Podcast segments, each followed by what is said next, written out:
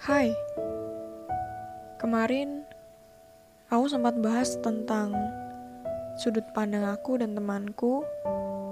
Suka dukanya gimana mau masuk dunia perkuliahan dari sudut pandang sebagai anak.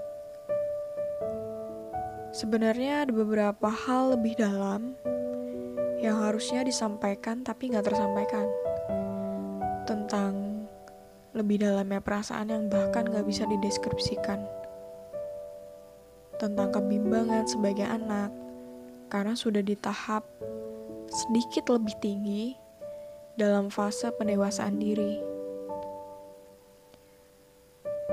Mungkin teman-teman semuanya juga merasakan hal yang sama. Entah masuk dunia pekerjaan, ataupun masuk dunia yang gak pernah terbayangkan sebelumnya.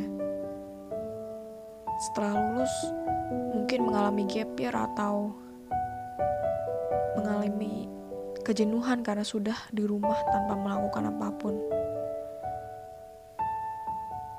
Namun tak apa. Lagi pula, semua orang punya waktunya masing-masing. Mengapa harus menyamakan waktu kita dengan waktu orang lain? Namun, jangan lupa untuk melakukan yang terbaik. Melakukan dan berusaha sebisa mungkin untuk memberikan yang terbaik untuk diri kita dan orang lain.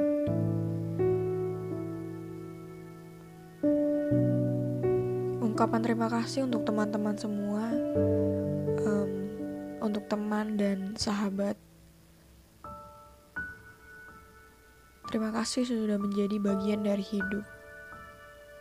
Terima kasih sudah menjadi warna, entah terang maupun gelap. Terima kasih kepada ibu dan ayah sudah merelakan anaknya untuk pergi mencari hal yang disukai, untuk mencari jati diri.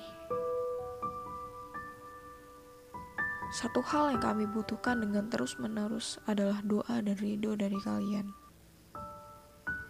Terima kasih. Terima kasih sudah merelakan anak perempuanmu ini untuk pergi dengan membawa jarak di antara kita. Semoga anakmu dapat kembali dengan membawa sebuah kebanggaan. Terima kasih.